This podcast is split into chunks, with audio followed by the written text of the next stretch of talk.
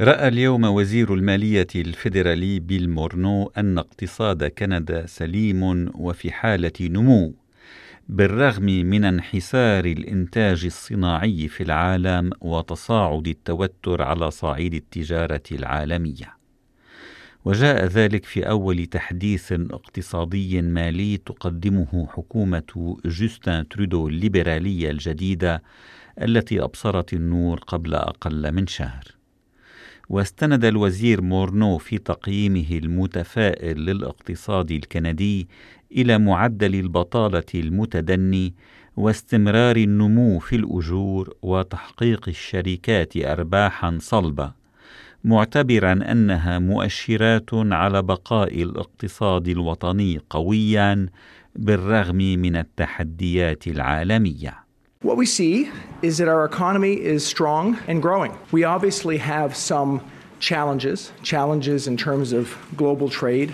We have challenges in Alberta and Saskatchewan with changes in the resource sector. But the view is positive. We have a situation where our expectations in 2019 are for strong growth. And in 2020, we expect that we're likely to be the second strongest economy in terms of growth among G7 countries. ما نراه هو أن اقتصادنا قوي ويواصل النمو، قال وزير المالية الفيدرالي، مضيفا من الواضح أننا نواجه بعض التحديات. هناك تحديات على صعيد التجارة العالمية وتحديات في مقاطعتي البرتا وساسكاتشوان حيث سجلت تغييرات في قطاع الموارد الطبيعية لكن النظرة إيجابية فنحن أمام وضع تفيد بشأنه توقعاتنا لعام 2019 عن نمو قوي. وفي عام 2020 من المرجح أن نكون ثاني أقوى اقتصاد من حيث نسبة النمو بين دول مجموعة السبع. لكن العجز في الميزانية العامة سيكون أكبر مما أعلنت عنه حكومة ترودو في ولايتها الأولى. فالليبراليون ينوون زيادة الإنفاق للحفاظ على دينامية الاقتصاد. وفي هذا الإطار جاء في التحديث الاقتصادي اليوم أن العجز في ميزانية السنة المالية الحالية المنتهية في الحادي والثلاثين من آذار مارس المقبل سيبلغ ستة وعشرين فاصل ستة مليار دولار أي أكثر بنحو سبعة مليارات دولار من العجز الذي توقعته الحكومة في الميزانية التي قدمتها الربيع الفائت وأكثر ب 12.6 مليار دولار من العجز المسجل في السنة المالية الماضية. ومن المقرر أن يبلغ العجز في السنة المالية المقبلة 28.1 مليار دولار. أي أكثر ب 0.7 مليار دولار مما نص عليه البرنامج الانتخابي للحزب الليبرالي.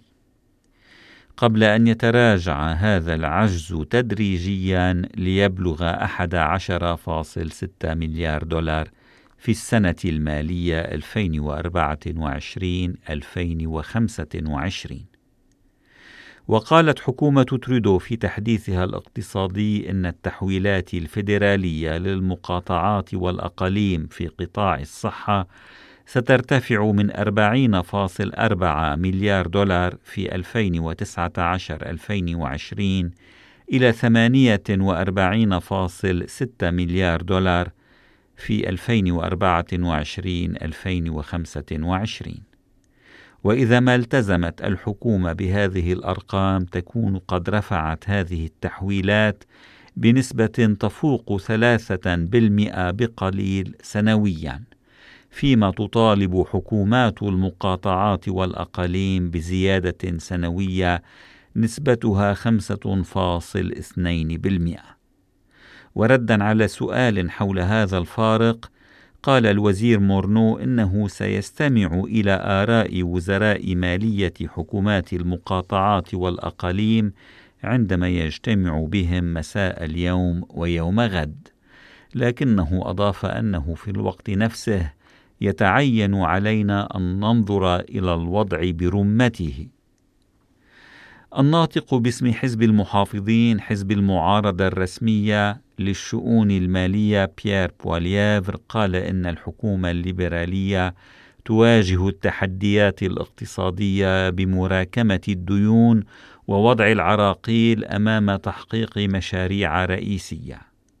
ما نواجهه الآن هو احتمال حصول ركود اقتصادي من صنع كندا قال بواليافر ومن جهته قال الناطق باسم الحزب الديمقراطي الجديد اليساري التوجه الناطق باسم الحزب للشؤون المالية بيتر جوليان قال إنه يشعر بخيبة أمل عميقة ازاء التحديث الذي قدمته الحكومة الليبرالية اليوم معتبرا أن على الحكومة وهي حاليا حكومة أقلية أن تفكر بالعائلات العادية والمجتمعات المحلية. لا أن تعطي مليارات الدولارات لكبريات الشركات في كندا حسب قوله.